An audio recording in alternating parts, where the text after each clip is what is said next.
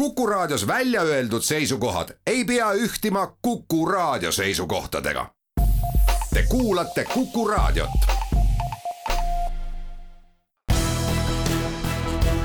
olukorrast ajakirjanduses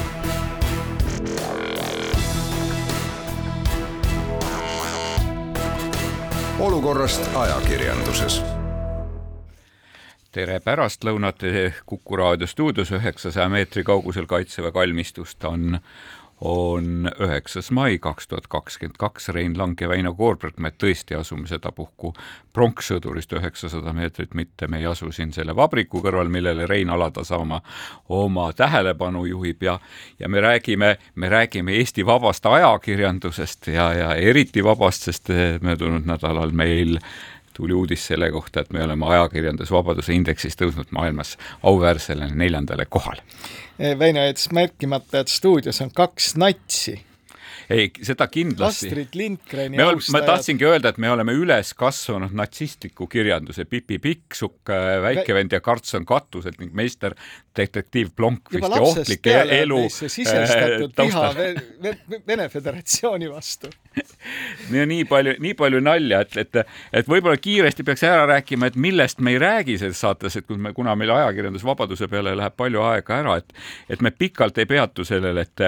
et Dmitri Kisseljov, see Vene propagandist, kes pühapäeva õhtuti kogu Venemaad hoiab oma kütkes, et, et tema, kes ta pikalt oli pikkade lõikude kaupu oli, oli kulutanud aega selle peale, et, et arutada, kui palju maksavad toona president Barack Obama trussikud. et nüüd ta sai omaenda relvaga sai tagasi, et sellepärast, et see möödunud nädalal nähti teda päevitamas Dubai luksushotellis ja, ja selle peale ilmus ajakirjanduses väga põhjalik analüüs sellest, et propagandakuninga ujumispüksid maksid kakssada kuuskümmend kaheksa dollarit. ja me ei räägi ka sellest, et kuidas Venemaa Ajakirjanike Liit, eks ju, Venemaa saja viiekümne viiendal kohal ajakirjandusvabaduse edetabelis, et kuidas ta on leidnud siis sõja ajal see, millega tegeleda, esmatähtsad asjad. Nad on saanud valitsusse ja Riigiduumasse palve toetada ajakirjandust ajakirjandusväljaanded ning lubada selleks neis avaldada õlle ja retseptiravimite reklaami. lisame siia veel, et me täna ei räägi ERR-i poolt korraldatud Eesti Laulu eelarvest, sest neid üksikasju ei ole ajakirjandusele näidatud. jah, neid üksikasju ei ole ajakirjandusele näidanud ja ainult kollane ja sensatsioonijamuline, sensatsioonijanuline Kõmu ajakirjandus avalikust, avalikust uudishimust lähtudes on esitanud küsimuse, et miks see kõik nii palju maksma läks. aga me räägime sellest, et tõepoolest eh, eh, neljas koht, oleme uhked, et jätsime soomlased kaugele selja taha, eks ju. oled sa rahul?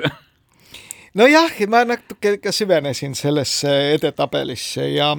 vaatasin ka seda metoodikat, see metoodika on nüüd ju viimase paari aasta jooksul päris kõvasti muutunud. seda on muudetud ja selles mõttes, et see on, seda ka viimati muudeti juba tegelikult pea kümme aastat tagasi, et, et aga, aga seda on rünnatud selles mõttes, et ta ei ole olnud ikkagi piisavalt läbipaistev, et seal on kasutatud küllaltki keerulisi valemeid selle indeksi arvutamisel, nüüd on seda natuke nagu lihtsamaks muudetud, on tõesti väga selgelt on toodud esile nagu erinevad valdkonnad, millele antakse hinne ja, ja ja me saame seda hinnet ka siis nagu eri valdkondadel näha. oota et..., aga seletame nüüd veel ükskord raadiokuulajatele, kes päris kursis ei ole selle üksipulgi ära, et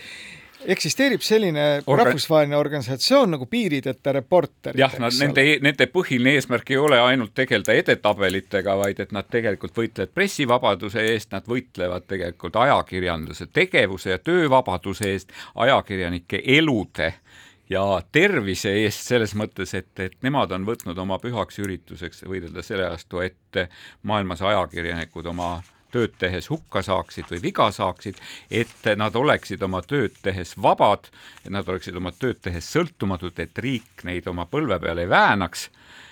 no see oli nüüd Väino poolt hästi ilus epiteetide hulk, eks ole, aga tegemist ka mina arvan, et tegemist on vajaliku organisatsiooniga, kes on oma tegevusega muide ju ajaloos ka tõestanud, et nad saavad ühe teisega hakkama ka. ja mis puudutab sedasama, seda ajakirjandusvabaduse indeksit, siis noh, et kui meil veel Washingtonis küllaltki Kapitooliumi lähedal oli, oli ajakirjandusmuuseum, mille nimi oli Newseum, siis selle ühel suurel seinal oligi see suur värviline kaart, mis põhines sellel sellesama piirideta reporteri ajakirjandusvabaduse edetabelil, eh, kus siis oli nagu erinevate värvidega tähistatud erinevad vabaduse piirkonnad. Ja tegelikult, kui sa selle kaardi ees seisid, siis sa ikkagi mõt-, väga palju erinevaid mõtteid tuli pähe ja, ja, ja, ja ja sa ikkagi vaatasid ühtepidi, et kui ahtakene on see vaba maailm ja kuidas tegelikult, kui, kui suurtel aladel laiutab see vabaduse puudumine või kuidas me siis aga tuleme nüüd korra veel selle juurde tagasi, et ne, sellest on nüüd õige mitu aastakümmet möödas juba, kui nad hakkasid tegelema selle edetabeliga, mis on siis ajakirjandusvabaduse indeks, eks ole, ja indeksi alusel siis reastati maailmas riigid, kes osalesid selles asjas ja siis kujunes välja niisugune omamoodi äh, edetabel. no sealt Nüüd, tegelikult kujunevad ka teatud piirkonnad, vabad piirkonnad. see tähendab seda, et igas riigis on terve hulk raportööre, et nad peavad olema ajakirjandusega seotud, et siin küll väidetakse, et intervjueeritakse ajakirjanikke, tegelikult nad ei pruugi olla, nad on ka ajakirjandusorganisatsioonide esindajad, nad on ka kodanikeühenduste esindajad, nii et, et väga täpselt ei ole teada need raportid. aga see ei ole mitte vaba intervjuu, vaid see on ei, väga selge see on väga ankeet. selge formaliseeritud ankeet, eks ju, kus esitatakse siis sisuliselt mingisugune ligi üle saja küsimuse ja need sada küsimust jagunevad viide suurde valdkonda eks ju, poliitilised olud, majandusolud, eh, seadus, seadusandlus, eks ju niimoodi, sotsiokultuurilised eh, olud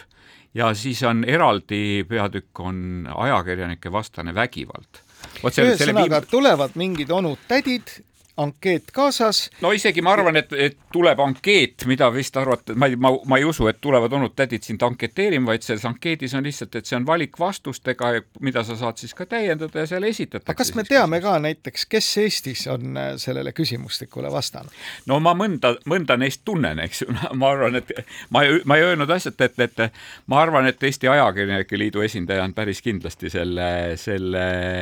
vastajate seas olemas. ühesõnaga, me võime kindlasti kindlalt väita, et need, kes on vastanud, vähemalt osasid inimesi. Me teame, nad on olemas, nad, nad on ajakirjandusega nad, nad on ikkagi, nad on ikkagi reaalsed, reaalsed inimesed ja, ja ma arvan, et seal on ka tegevajakirjanik ja kui me ka varasematel aastatel oleme sellest, oleme sellest nimekirjast ja edetabelist rääkinud, et, et et siis ka nendest vastustest ja sellest, milline informatsioon jõuab siis sellesse raportisse ja jõuab ka selle konkreetse maa kohta käivatesse noh, kuidas me seda siis nimetame, faktikogum või, või kommentaar, et et need on olnud küllaltki nagu pädevad, sellepärast et on märgatud kõiki neid võbelusi ja lainetusi, mis on toimunud ja ja, ja no näiteks ka praegu tänavuse aasta edetabeli juures on no tavaliselt käsitlevad, käsitlevad need intervjuud ka siis ütleme, need käivad siis möödunud aasta kohta, aasta kaks tuhat kakskümmend üks, kuid Pirita reporterid on öelnud, et seoses nagu Eh, kiirete sõjasündmustega, et on kolme riigi, eh, need on siis Venemaa, Ukraina ja minu meelest oli, kas oli Mali, eh, puhul on siis tegelikult ka kasutatud uuendatud informatsiooni. Olukorrast ajakirjanduses.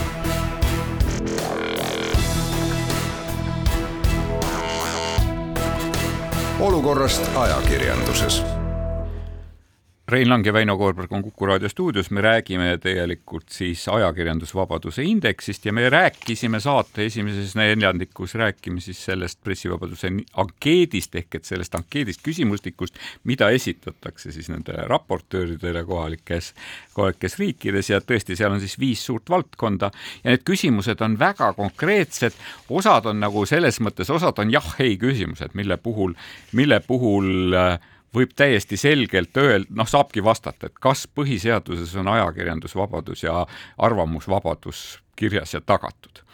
Et no kasvõi sedasorti väga konkreetsed küsimused, küsita-, küsitakse ka näiteks seda, et kas valitsusel on mingisugust mõju toimetuse otsuste üle et näiteks asjade puhul, et, et kas valitsus saab toimetusi sundida ennast paremas valguses näidata või, või, või kui, kui meedia on valitsuse suhtes kriitiline, kas valitsusel on mingi kang, millega meediat mõjutada ja kuidas, kuidas valitsus saab mõjutada näiteks avalik-õiguslikku ringhäälingut, selle kohta on, seda vaadeldakse ka täiesti erinevalt, eks ju et vaadatakse seda, et näiteks kas ringhäälingu litsentsi, litsentside andmise protsess on läbipaistev, kas näiteks ringhäälingute juhtkonnad, on siis juhatused ja nõukogud, et kas need on, kas need on oma otsustes sõltumatud et kas nad või nad on siis nagu selgelt riigi käepiki, pikendus, eks ju, nad vaatavad, nad vaatavad ka seda näiteks, et kas ametiisikute ja poliitikute käitumine nagu pressivabaduse tagamisel et milline see on, et, et kui me mäletame, et siis tegelikult eelmise valitsuse puhul kõik need valitsuse liikmete väga kriitilised ja küünilised avaldused, ründavad avaldused ajakirjanduse suhtes eh, ma arvan, et läksid nagu, läksid arvesse just selle küsimuse juurest, et, et sinna nagu, sinna selgelt märgiti, et et valitsuse liikmed ründasid ajakirjandust, eks ju, nimetasid seda ebausaldusväärseks ja nii edasi ja nii edasi. ja no täpselt samamoodi, et see, vaadatakse seda sõltumatust valitsusest, eks ju, vaadatakse, kas riigil on mingisuguseid mehhanisme ajakirjanikest lahti saamiseks, kas näiteks telefoniõigus toimub, toimib selleks, et et ebasobivat ajakirjanikku saaks äh, vallandada, et kas valimiste, milline näeb välja nagu valimiste protsess äh, ajakirjanduses, et kas ikkagi kõik äh, erinevad valimistel osalejad saavad ringhäälingus sõna kas eh, valitsusel on mingisugune võimalus nõuda ligipääsu ajakirjandusele nõnda, et, et eh, näiteks, et ta nõuab, et ma, et ma pean saama sõna, aga opositsioonile ärge sõna andke. või et ma pean saama sõna, aga minu käest ei tohi ükski ajakirjanik täiendavalt midagi küsida või midagi niisugust. kuni selleni, et noh, kas valitsus tagab vaba juurdepääsu informatsioonile, valitsuse pressikonverentsidele, hästi põhjalikud küsimused. siis edasi vaadatakse, ütleme, see oli see nagu poliitiline kontekst, noh, vaadatakse ka seadusi, vaadatakse, eh, siis on see juriidiline kontekst, et kus tegelikult vaadatakse seda, et kas tõesti see väljendusvabadus ja pressivabadus on põhiseaduses ja seadustega tagatud, et siis, et kas on kas on mingisuguseid piiranguid ajakirjandusele, mis oleks nagu see rahvusvaheliselt üldtunnustatud tavaga vastuolus, eks ju, kas kas laim on äh, karistatav ja kas laimu eest võib vangi panna? Kas allikakaitse, sinu lemmikteema, et kas allikakaitse on seaduslikult tagatud, eks ju, kas juurdepääs avalikule infole on tagatud, eks ju, kas no kuni selleni, et kas ajakirjanikel on õigus moodustada oma ametiühingut, küsitakse ka seda ja ja, ja vaadatakse ka seda, kuidas nagu äh, kuidas äh, toimetused ja kuidas ka riik kaitseb ajakirjanike ahistamise, kõikvõimalike ahistamiste ja piirangute eest, eks ju, ja ja, ja eraldi küsitakse et oot, kui teil kõik need seadused on olemas ja nad on ilusad ja nii kõlavad ja küsitakse ka seda, et kas need seadused ka tegelikult toimivad teie hinnangul. et see raportöör peab andma selles suhtes vastuse. no ja siis ühesõnaga see küsimustik, mida sa nüüd mm -hmm. siin kirjeldasid tundub kokkuvõttes olevat üsna mõistlik. et see on mõi-, et selle alusel mõistlik, saab see, hinnata küll. ja, ja, ja see on ikkagi standardiseeritud küsimust ja samasuguseid küsimusi esitataksegi. me just siin saate eel rääkisime seda, et seal on ju eraldi küsimus isegi seda, et kas viimase kaheteistkümne kuu jooksul on näiteks valitsus äh, äh, piiranud ligipääsu internetile või sotsiaalmeediale näiteks aga nüüd äh, tuleme selle asja teise külje juurde, et äh, on üks küsimustik, ju targad inimesed on vaeva näinud ja isegi meiesugused vanamehed ütlevad, et küsimused on täiesti relevantsed. täiesti mõistlikud. täiesti mõistlikud küsimused. et kas, nüüd on järgmine küsimus, et kas onud ja tädid või siis internet toob selle küsimustiku tegelikult nende inimesteni, kes siis vastavad ja kelle arvamus arvesse läheb, et need inimesed on tegelikult siis ajakirjandusele lojaalsed, et ei ole mingeid kõrvalisi mõjusid seal, subjektivismi, ei teki mingisugust sellist mingit kampa näiteks FSB ohvitseridest, kes siis vastavad nii, nagu peab, eks ole. no siin on jah, ega alati vanduda ei saa, aga ma arvan, et selle tagab see, et, et, et ei ole ju nagu maal ühte raportööri, eks ju, kelle, kelle arvamusest see asi sõiduks ja ma arvan, et seal on eraldi siis, seal on eraldi veel, minu meelest oli seitsmeliikmeline kogu, kes siis tegelikult peaks ka vaatama, et kui näiteks raportööride hinnangud väga radikaalselt erinevad, noh et siis tavaliselt peaks ju sinna sisse vaatama, et et milles see põhjus, kui ühed ütlevad, et meil on ajakirjandus väga vaba ja teised ütlevad, et see ei ole, siin pole vabaduse raasugi, et selliste vastuoluliste asjade puhul arvatavasti vaadatakse nagu Väino ütles, et ta isiklikult lausa tunneb paari inimest, kes sellele küsimustikule ankeedile on vastanud ja võib väita, et tegemist on mõistlike inimestega, siis me võime kokkuvõttes öelda, et see tundub, see protsess ikkagi nagu üsna usaldusväärne. et see protsess, no ta on ka mulle varem olnud usaldusväärne ja, ja, no kui me nagu ka vaatame, et kes on selles, kes on selles nimekirjas algusotsas, et siis need on tõesti riigid, kelle puhul me noh, et meil ei, üldiselt ei teki ju ka kahtlust, et, et esimene on Norra, Taani ja Rootsi, siis tuleb Eesti, siis tuleb Soome, Iirimaa, Portugal, Costa Rica, Leedu ja Liechtenstein, et Leedu on tegelikult hästi tugeva tõusu teinud praegu niimoodi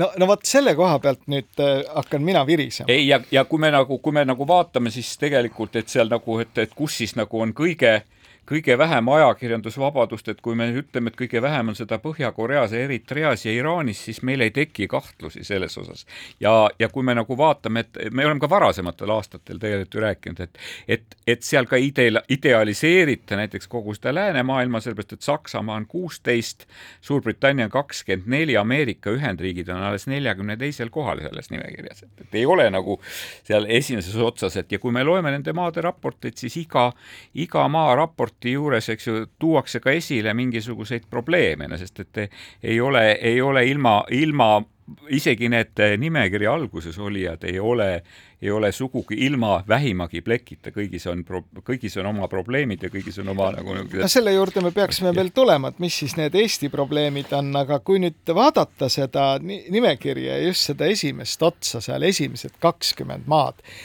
siis mina tahaksin küll öelda seda, et kõik need riigid on oma ajakirjandusvabaduse seisukohast ja sõnavabaduse seisukohast ikkagi üpris identsed. ja nüüd, kui seal sees läheb selle kohtade jagamiseks, et kes on nüüd number neli ja kes on number viis, siis see värk hakkab nagu minu jaoks muutuma nagu koomiliseks, et ja nii, nii ka läks. et kui soomlased said teada sellest, et nemad on number viis ja Eesti number neli, siis sellele järgnesid Soome meedias teatud sarkastilised sellised väljaütlemised, et no nüüd siis eestlased tegid meile ära ja ma ei tea, mis veel ja kohe käivitus siis süüdlase otsimise protsess, et no ju oli see tingitud sellest Helsingin Sanomate kohtuasjast. no kas ja..., vaata Rein, et kas, kas tegu tegu on süüdlase otsimisega või, või kas oli see, et, et see positsioon sundis nagu ka analüüsima oma olukorda, ma ei ütleks, et nad otsivad süüdlasi, vaid nad, nad analüüsivad, nad leiavad nagu teatavaid põhjendusi, sest ega ka, ega ka mina pean ütlema, et, et kui ma siin kaks tuhat üheksateist oli nii minu meelest nii Eesti kui Portugal olid ühel tasemel vist olid üheteistkümnendad, eks ju, ja siis kui möödunud aastal, kui Eesti oli äkki, Eesti oli vist minu meelest kas viisteist või ma, ma Eesti oli viisteist ja Portugal oli tõusnud üheksandaks, siis ma ka vaatasin, et vaadake, kuidas neil on nagu olukord palju paremaks läinud ja see sundis ka mind teatud mõttes analüüsima seda, et, et mis meil siis läks. ja, aga mida nagu... ma tahan öelda, et see läheb selliseks natukene imelikuks võidujooksuks. no see läheb peeneks võidujooksuks, aga, aga seal on muidugi, et on oluline siis noh, et, et sellel aastal saab ikkagi täpsemalt nüüd vaadata tõesti seda hinnangut ka erinevatele, erinevatele nendele valdkondadele, et sellesama majanduskonteksti, no isegi kus küsitakse seda, et kas ajakirjanikud võtavad altkäemaksu enam-vähem, eks ju, kas ajakirjanikud võtavad äh, tasuta reise ja lasevad en-, lasevad endale tasuta kortereid anda, eks ju niimoodi, noh umbes a la sedasorti küsimused või et, või et kui jätkusuutlikud on nagu väikesed meediaettevõtted, eks ju, selles osas siis, siis või et ka kui kontsentreeritud see meedia on, et et, et eks ta sunnib nii, et vaata, aga, aga noh, et sealt nagu tekivad teatud rühmitused ja nagu me rääkisime sellest suurest kaardist, et kui te lähete ka piiritlejate reporterite kodulehele, et siis vaadake, mis värvi on värvitud Venemaa, eks ju niimoodi ja et mis värvi on värvitud nagu see vaba maailm, eks ju, et selles osas, et, et noh, kui me võtame siis need värvigrupid, eks ju, eraldi, et ikka absoluutselt mittevaba, eks ju, niimoodi ja, ja ikkagi väga tugevate piirangute, tugeva surve all töötav ajakirjandus ja siis nagu täiesti vaba ajakirjandus ja vabamaapoolne ajakirjandus, et, et vot ühest grupist nagu teise liikumine ja, ja kui sa vaatad nagu erinevates aastates neid asju, siis on... jah, mida me nüüd tahame öelda tegelikult raadiokuulajale, on seda, et kui ta tunneb tunneb natukenegi huvi kogu selle ranking listi või edetabeli, mida võib ka edekabeliks nimetada, selle vastu siis mõistlik on tegelikult lugeda neid maaraporteid täpselt nagu paljude teistegi selliste edetabelite puhul, näiteks õnneindeks või siis Maailmapanga Ease of Doing Business ehk selle äriindeksi puhul. lugege maaraporteid ja see annab tegelikult palju rohkem pilti kui nüüd see konkreetne koht. et mida mina oleksin nagu lootnud, et see piirideta reporterite organisatsioon teeb, on see, et ta jaotab need mingiteks gruppideks, tõesti noh, täiesti vaba ja, ja peaaegu vaba või mida iganes, kuidas neid no. nimetada et ta, kui see läheb selliseks võistluseks tõepoolest, et soomlased on nördinud, et eestlased neid edestavad ühe koha võrra, et Eesti on number neli ja Soome number viis, siis mina ei näe küll mitte mingisugust vahet Eesti ja Soome ajakirjandusvabadusel. täpselt samamoodi Eesti ja Rootsi või Soome ja Rootsi ajakirjandusvabadusel on, seal on tegemist ülipeente nüanssidega. ei no ja, ja me ise, võib-olla nagu me ise nagu ajame, sest tegelikult piirid reporterid, nagu ma veel kord ütlen, et selles, seda indeksit moodustades, et nad tegelikult selle maailma jagavad ikkagi tõesti ja jagavadki nendeks e. jah, kaardi peal on see ilusasti värvidena ju tähistatud. kui sa nüüd vaatad seda, ka seda edetabelit, ka siis, siis ka seal, et nende riikide puhul me võime siis ju öelda niimoodi, et, et tegelikult riigid üks kuni kaheksa on märgitud see täiesti vaba, eks ju, üheksandast alates äh, hakkab värv muutuma järjest tumedamaks, eks ju, ja ta liigub, liigub sinna neljakümne kaheksanda Horvaatia juurde, eks ju, ja siis neljakümne üheksandast kohast Tongast läheb olukord järjest halvemaks ja, ja värvus läheb tumedamaks, eks ju, niimoodi ja kui me siis jõuame, kui me jõuame siis saja üheteistkümnenda juurde, vot sealt saja üheteistkümnenda riigi piirist, sealt juba läheb nagu, et vabadus kaob ikkagi absoluutselt ära ja, ja saja viiekümne kolmanda koha peal Valgevene juures näidatakse siis täiesti mittevaba. ja kes see viimane koht on? kõige viimasel, kõige viimasel kohal on Põhja-Korea, kelle indeks on kolmteist koma üheksakümmend kaks saja kaheksakümne riigi juures, eks ju, ja Norra indeks oli üheksakümmend kaks koma kuuskümmend viis, et see on siis saja, saja palli indeks igale, see on siis moodustatud selle viie erineva valdkonna indeksitest. ja tasub veel ükskord siis korrata, et Venemaa on auhinnaliselt saja viiekümne viiendal kohal kogu oma võitlusega natsismiga. aga siinkohal me teeme väikese vaheaja. olukorrast ajakirjanduses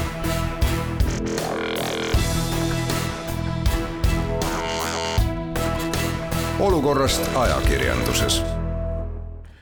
Rein Lang ja Väino Koorberg olukorras ajakirjanduses, kolmas veerand, räägime siis pressivabadusest ja räägime Eesti neljandast kohast. Piirideta reporteri ajakirjandusvabaduse indeksi edetabelis et äh, võtan lahti selle Piirita Reporteri kodulehekülje ja vaatan, et kõige suuremalt on välja toodud alates esimesest jaanuarist kaks tuhat kakskümmend kaks on Eestis tapetud null ajakirjanikku ja null meediatöötajat ning praegusel hetkel on vangis null ajakirjanikku ja null meediatöötajat, et seda on päris rõõm vaadata, aga, aga kui me loeme seda täpsemat raportit, siis seal öeldakse seda, et, et Eestis tegelikult meedia konsolideerub üha, üha, turg muutub üha, seda nimetatakse oligopoolsemaks ehk et koondub väheste omanike kätte. näidatakse ka seda, et ERR-il ehk avalik-õigusliku ringhäälingu eelarve on järjest piiratum ja see võib suurendada poliitilisi mõjutusi, mis tähendabki seda, et vist viha, vihjatakse, et ERR võib üha rohkem hakata sõltuma poliitikutest, et aga üldiselt on ajakirjandusvabadus kaitstud ka põhiseadusega, aga on mitmed õigusaktid, mis, mis piiravad meediavabadust, eriti seoses laimu ja eraandmete avaldamise kaitsega, kui ja et ka isikuandmeid kaitsvad seadused on andnud võimudele palju ettekäändeid selleks, et meedia juurdepääsu avalikule teabele piirata, et päris nagu mõistlikud. täitsa mõistlik jutt, aga nüüd muidugi seal peab alati vaatama seda koosmõjus nüüd, et see on reporterite vaade, eks ole, vaatame nüüd ka seda teist vaadet ehk üksikisiku vaadet et seda ju ajakirjandus alati on öelnud, et tal peaks olema rohkem õigusi isikuandmete töötlemiseks ja alati siis tulevad isikuandmete kaitsjad välja sellega, et see kuskil peab, on, on see piir nüüd, mis Eestis on juhtunud viimase kümne aasta jooksul, on see, et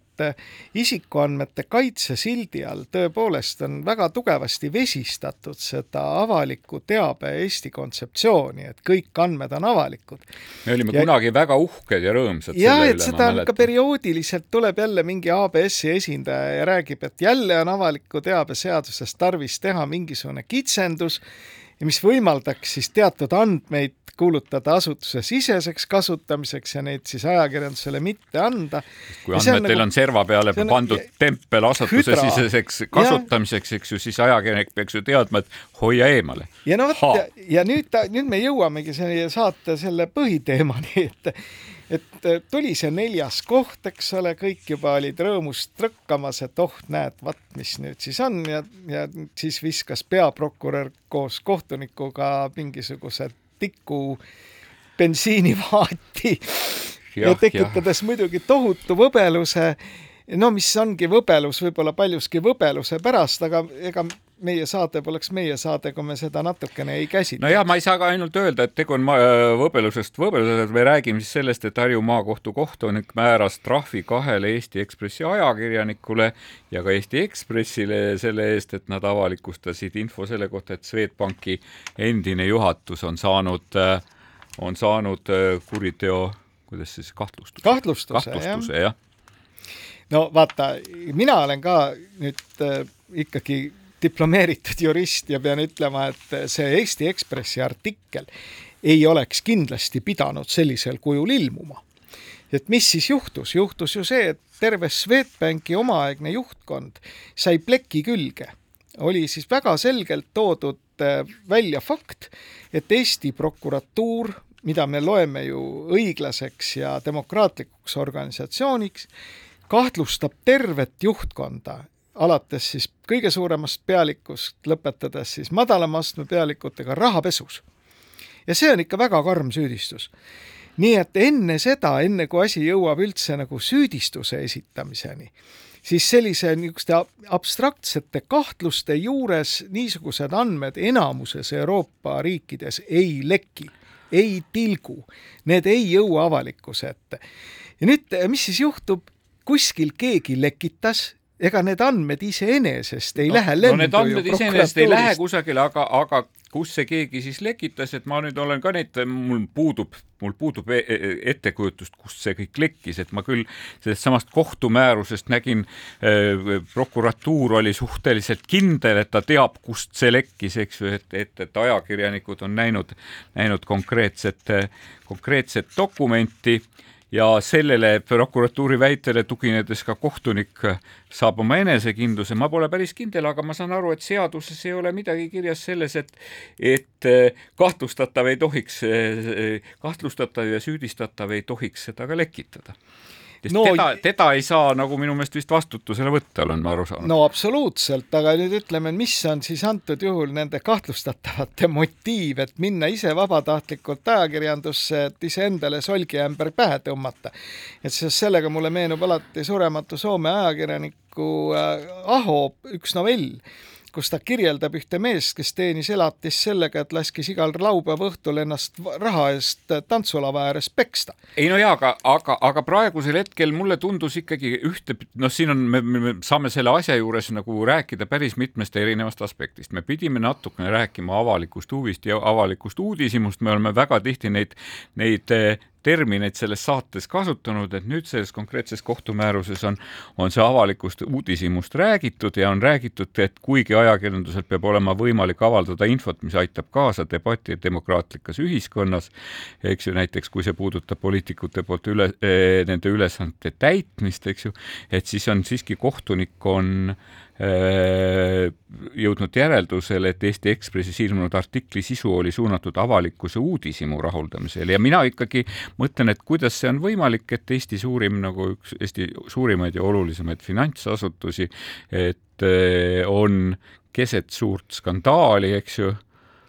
ja, ja seda nimetatakse nüüd avalikus uudishimuks, eks ju, ja et äh, noh, umbes samamoodi nagu me vaatame Kisseljovi ujumispükste ujumispükste maksumust, et täpselt samamoodi vaatame seda, et mida meie pangad siis teevad. no ma jätaks nagu, minu jaoks see see juriidiline kvaliteet, see on nüüd jah, juriidilise kvaliteedi teema ja piinlik oleks hakata minul nagu endise justiitsministrina siin kohtuniku kohta midagi ütlema, eks ole. et lõpuks on olemas ka järgmised kohtuastmed ja ma olen üpris kindel, et sellises vormis see pidama ei jää, aga mitte see pole oluline, kas tegemist on nüüd avaliku uudishimuga või avaliku huviga kui Eesti prokuratuur menetleb niisugust asja, mille nimi on kuritegu, eks ole, ja kahtlustab isikuid kuriteos, siis järelikult on temal mingisugune fail, vanasti nimetati seda toimikuks, noh nüüd nimetame seda failiks, kus on siis mingisugused andmed. ja see prokuratuur ja politsei peavad tagama selle, et need andmed ei lekiks välja, et nende andmete lekkega ei tehtaks kellelegi halba, ei, ei määritaks kellegi nime. Need ei lenda sealt ise ära. kui Eesti prokuratuur tahab väita seda, et Eesti Ekspressi ajakirjanikud tungisid öösel valevõtit kasutades prokuratuuri ruumidesse, varastasid sealt mingeid dokumente ja siis avaldasid need, siis huvitav, kus on vastav kriminaalasi sissetungimise kohta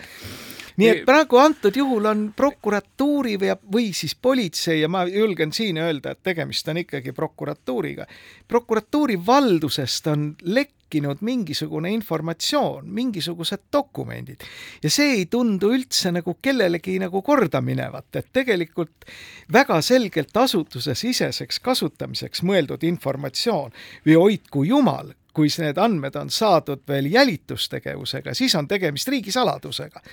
ja need lekivad ja jõuavad kuskile toimetusse ja see Eesti riiki ega kohtusüsteemi ja prokuröri nagu ei huvita. prokurör, prokurör praegu, et no mulle jäi nagu mulje kogu sellest, kogu sellest, et, et seal nii, nii Taavi Pern kui ka peaprokurör Andres Parmas, eks ju, mõlemad näitasid näpuga ajakirjanduses, et me ju hoiatasime teid, et kui te meist kirjutate, et siis te tulge küsige meie käest luba, eks ju, et me, et te võite küll kirjutada kõigist muudest, eks ju, avalikku debatti ja ja avaliku huvi objektist olevatest asjadest, ainult mitte prokuratuuri tegevusest. et minu, minu meelest see hoiak oli väga ohtlik, et kui te hakkate kirjutama prokuratuurist, eks ju, siis peate te küsima luba prokuratuurilt. no need kaks seltsimeest äh, ilmselt äh, viibisid õllesaalis sel ajal, kui seda normi kirjutati see ei ole ju mõeldud ajakirjandusele, vaid see oligi omal ajal väga selgelt suunatud edevate õiguskaitseorgani töötajate ohjeldamiseks. Et mitte ei tule politsei, eks ole, ja teatud kriminaalasjades ei, ei ei näita näiteks Õhtulehe suhtes üles erilist eh, sümpaatiat, tilgutades süstemaatiliselt kriminaalmenetluse andmeid. no Rein, ma, sa ühtepidi on tore küll, et sa räägid Õhtulehest, mina oma varasemast kogemusest mäletan küll juhtumit sellest, et kuidas eh, olulist informatsiooni tilgutati kõigile peale Õhtulehe, kes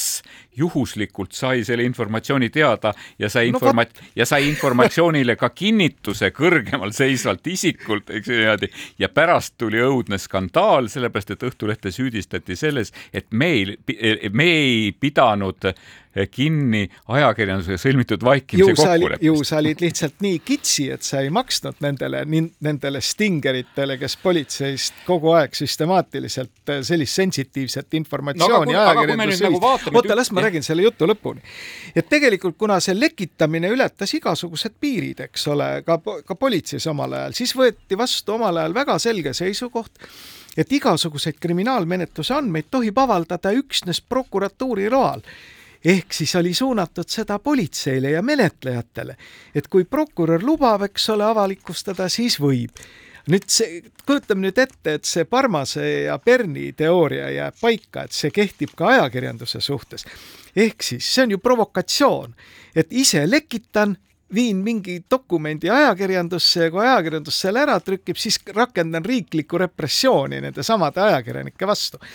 Ja nüüd mulle hakkabki tunduma, et see on niisugune labane russki mirri stiilis kättemaks. Et kui me vaatame, mida Ekspress on nüüd viimase poole aasta jooksul teinud, kõigepealt kirjutas Tarmo Vahter väga hea loo sellest, kuidasmoodi Eesti prokurör tegi oportuniteedi ühe Vene eriteenistuse ohvitseri, kodanik Rotkoga, kes varjab ennast õigusemõistmise eest täna Floridas pidas pikalt, eks ole, siin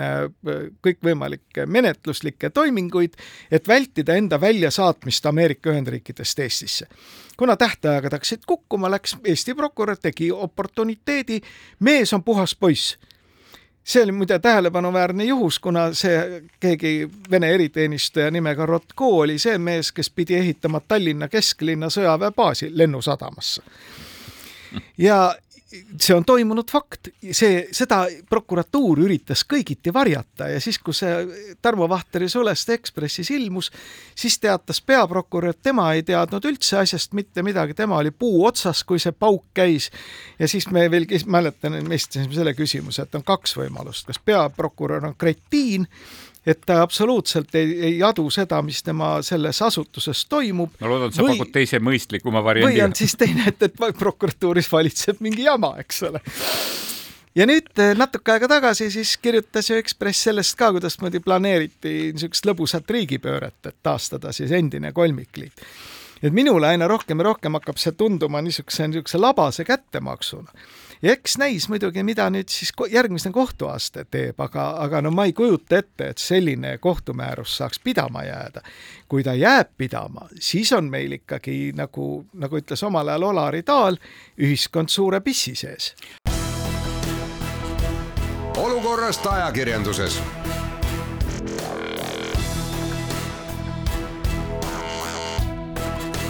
olukorrast ajakirjanduses Rein Lang ja Väino Koorberg äh, arutlevad selle üle, et kas ajakirjanik on äh, ja kas ajakirjandus on prokuratuuri puudel või ta ei ole prokuratuuri puudel,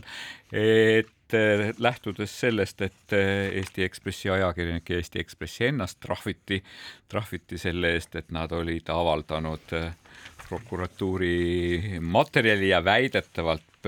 pöörduma, kahjustanud kriminaaluurimist, et pärast seda küll, et kui ma tean, et kui Delfi pöördus prokuratuuri poole küsimusega, et, et kas nad on mõni näide, et kas neil on mõni näide minevikust tuua selle kohta, et kus ajakirjanduse lekkinud detailid on uurimise käiku kahjustanud või mitte, siis ei suutnud prokuratuur ühtegi näidet tuua selle kohta. aga Rein, sa rääkisid tegelikult just e-, enne, kui me pausile läksime, rääkisid sellest, et et tegu võis olla kerge kättemaksuaktsiooniga ajakirjandusele, et noh, kas see siis oli soov, et, et Tarmo Vahter sureb verd, et pidage lõpuks suu kinni, eks ju, ja, ja ärge meie, ärge oma nina meie asjadesse toppige, et kas klassikaline vaigistamiskaebus? võib-olla, ega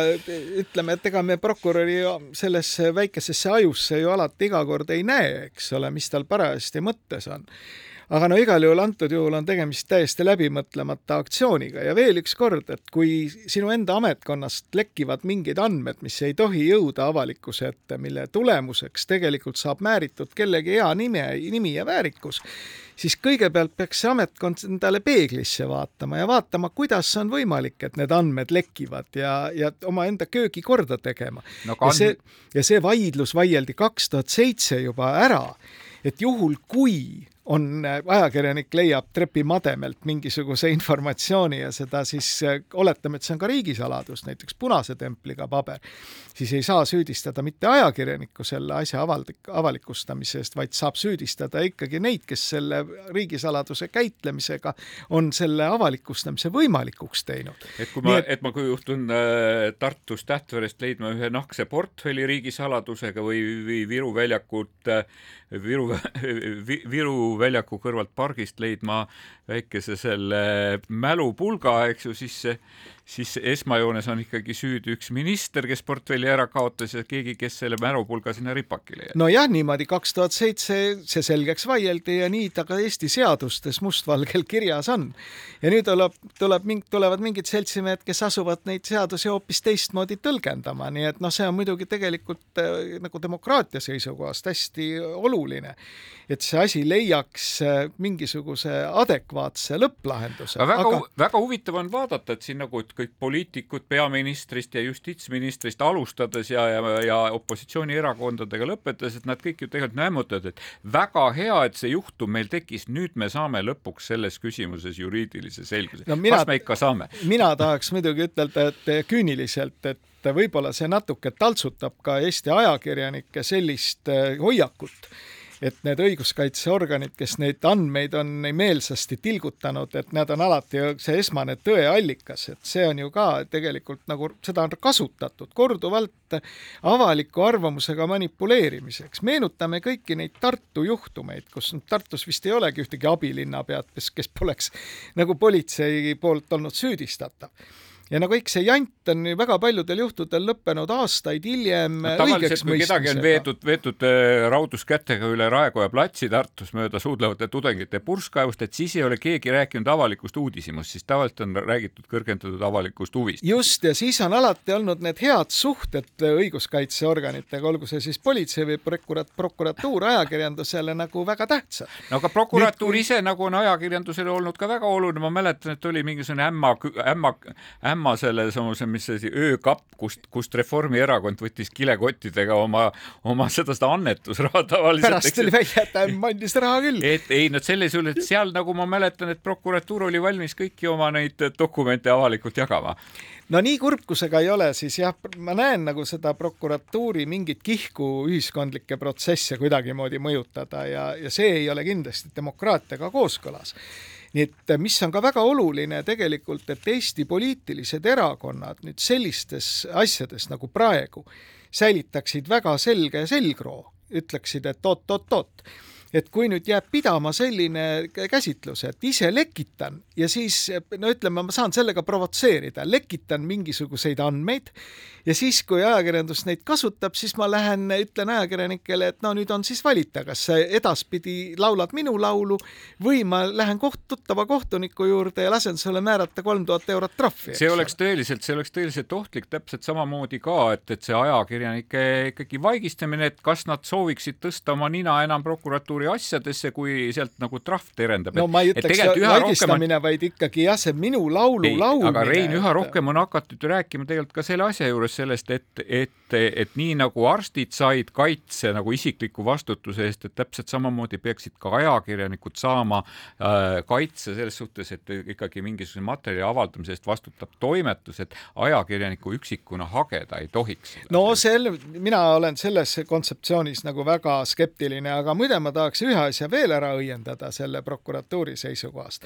et kogu see eh, Swedbanki rahapesujuhtum, millest Ekspress kirjutas, millel see siis baseerub? Teatavasti rahapesu on selline kuritegu, kus peab olema see eelkuritegu ehk kuskil on ebaseaduslikult eh, omandatud raha. Ja seda ju Eesti prokuratuur käsitab tõendatuna mingi Moskva kohtuotsuse kaudu, kus siis aseminister mõisteti riisumises süüdi, eks ole, ja seda raha siis olevat Eesti äh, Swedbanki juhtkond pesnud. Nüüd paar nädalat tagasi tuli küll tõsi välja, et seesama aseminister lasti vabale jalale ja vähemalt nii mina olen lugenud seda, et äh, keegi on öelnud, et polegi nagu mingit kuritegu toime pandud, nii et sellisel juhul kukub kogu see case ju kokku ka, aga inimeste nimi on määritud. no igatahes meie jääme väga huviga ootama, et kas äh, teine aste ja kolmas aste kohtus ja siis ka võib-olla nagu üle-euroopalised astmed selles asjas toovad meile selguse, õigluse ja rahu maa peale. meie hakkame siinkohal saadet kokku tõmbama, et, et ei jõua rääkida sellest, kuidas Postimehe noorte ajaleht Juunior varsti val-, ilmumise ära lõpetab. ei jõudnud me pikalt rääkida rääkida ka sellest, et,